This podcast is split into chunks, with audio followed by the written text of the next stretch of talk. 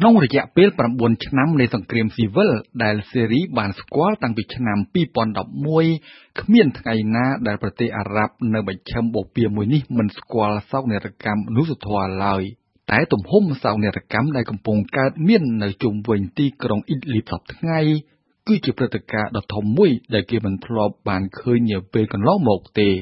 ជាមួយនឹងពលរដ្ឋរស់នៅចំនួន3លាននាក់ ទីក្រុងអ៊ីតលីបជាជំរកចុងក្រោយរបស់ក្រុមប្រឆាំងដែលមានគ្នាប្រមាណជា2000នាក់ និងដែលរដ្ឋាភិបាលក្រុងដាម៉ាស់របស់ប្រធានាធិបតីអាសាដកំពុងប្រើកម្លាំងវាដណ្ដើមយកមកកាន់កាប់ក្នុងដៃវិញ តែក្រៅពីចំណាត់ការរបស់ទ័ពរដ្ឋាភិបាលស៊ីរីក៏មានការលូកដៃពីប្រទេសរុស្ស៊ីនិងប្រទេសទួរគីដែរ។ រុស្ស៊ីបានជួយគាំទ្រកម្លាំងរដ្ឋាភិបាលស៊ីរី ហើយទួរគីបានជួយគាំទ្រដល់ក្រុមប្រឆាំងដែលក្រុងដាម៉ាស់ហៅជាពួកឧទាមអ្វីជាការកត់សម្គាល់ចំនួនប្រដាប់អាវុធយ៉ាងក្តៅគគុកនៅអ៊ីតលីពេលនេះមិនបានគិតគូរដល់ជីវិតជនស៊ីវិលនិងហេដ្ឋារចនាសម្ព័ន្ធដូចយ៉ាងមន្ទីរពេទ្យសាលារៀនឬមួយក៏ផ្សារទេ កាលពីខែកញ្ញាឆ្នាំ2018 ក្រុងមូស្គូនិងក្រុងអង្ការ៉ាបានព្រមព្រៀងលើបទឈប់បាញ់មួយ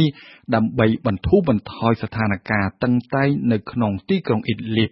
តាមរយៈកិច្ចព្រមព្រៀងឈប់បាញ់មួយនេះរុស្ស៊ីនិងស៊ីរីបានយល់ព្រមផ្អាកការវាយប្រហារលើទីក្រុងអ៊ីតលីប ចំណែកទួរគីមានតួនាទីជាអ្នកបង្ខំពួកជីហាតនៃចលនាហាយ៉ាតតារីអាល់សាមឲ្យចាកចេញពីជួរមុខនៃសមរភូមិប្រយុទ្ធនៅក្នុងទីក្រុងអ៊ីលីបតែបញ្ហានៅត្រង់ថា កងទ័ពទួរគីមិនអាចធ្វើបាន ឬមួយក៏មិនចង់ធ្វើគួររំលឹកថា គឺតាំងពីខែធ្នូឆ្នាំ2019ដែលទ័ពរដ្ឋាភិបាលស៊ីរីបានបើកការវាយប្រហារលើទីក្រុងអ៊ីតលីប ដោយបណ្ដាលឲ្យមានពលរដ្ឋចំនួន70ម៉ឺននាក់បង្ខំចិត្តរត់ចោលផ្ទះសម្បែងគឺជាការរត់ភៀសខ្លួនដ៏សម្បើមនៅក្នុងសង្គ្រាមអាក្រក់ក្រៃលែងនៃជំនាន់របស់យើងនេះជាឃ្លារបស់លោកយ៉ងអេកឡាន ប្រធានក្រុមប្រឹក្សា Northwest ដើម្បីជនភៀសខ្លួន ក្នុងថ្ងៃអង្គារទី11កុម្ភៈកងទ័ពរដ្ឋាភិបាលស៊ីរីវាយយកបានពីពួកឧទាម នៅផ្លូវ Highway M5 ដែលជាផ្លូវយុទ្ធសាស្ត្រមួយតភ្ជាប់ទៅខាងជើង និងខាងត្បូងរវាងទីក្រុងដាម៉ាស់និងទីក្រុងអ៊ីតលីបនៅម្ខាងមានកម្លាំងស៊ីរីរួមកម្លាំងជាមួយរុស្ស៊ីនិងនៅម្ខាងទៀតមានកម្លាំងពួកប្រឆាំងគាំទ្រដោយទួរគីវាសនាអាក្រក់សម្រាប់ទីក្រុងអ៊ីតលីបប្រហែលមិនអាចជៀសរួចទេ